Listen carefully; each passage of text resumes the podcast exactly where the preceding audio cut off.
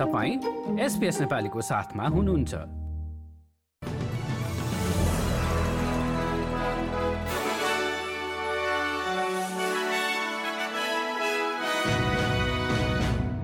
नमस्कार आज बाह्र अक्टोबर सन् दुई हजार तेइस। अब पालो भएको छ एसपिएस नेपाली माझका प्रमुख अस्ट्रेलियन समाचार छोटकरीमा सुन्ने।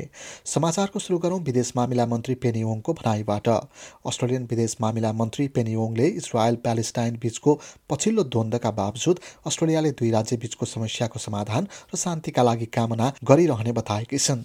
मन्त्री ओङले हमासको आक्रमणले प्यालेस्टाइनीहरूको शान्ति र स्वायत्तताको आशालाई अझ पर धकेलेको आफूलाई डर रहेको पनि उनले बताए। मन्त्री ओङले इजरायलमा फँसेका अस्ट्रेलियन ल्याउनका लागि अर्को हप्ता थप उडान गरिने पनि बताएकी छन्। सिनेटर लिडिया थोपले इन्डिजिनियस भोइस टु पार्लियामेन्ट असफल भए ब्ल्याक सोभेरियन मुभमेन्टलाई सफलता मिल्ने बताएकी छन्। भोइस टु पार्लियामेन्टको विपक्षमा वकालत गर्दै आइरहेकी थोपले यसलाई आदिवासीहरूप्रतिको अपमान हुने पनि बताएकी छन्।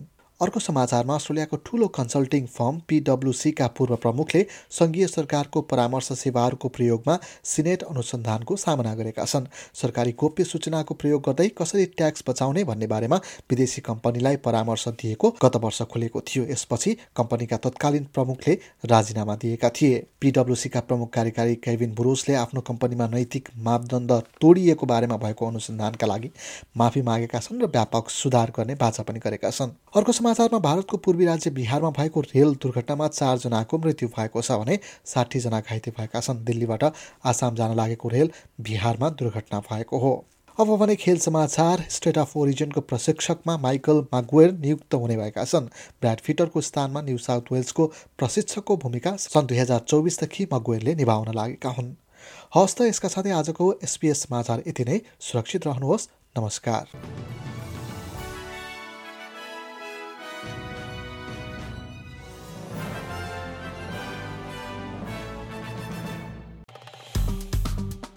लाइक सेयर र कमेन्ट गर्नुहोस्। एसपिएस नेपालीलाई फेसबुकमा साथ दिनुहोस्।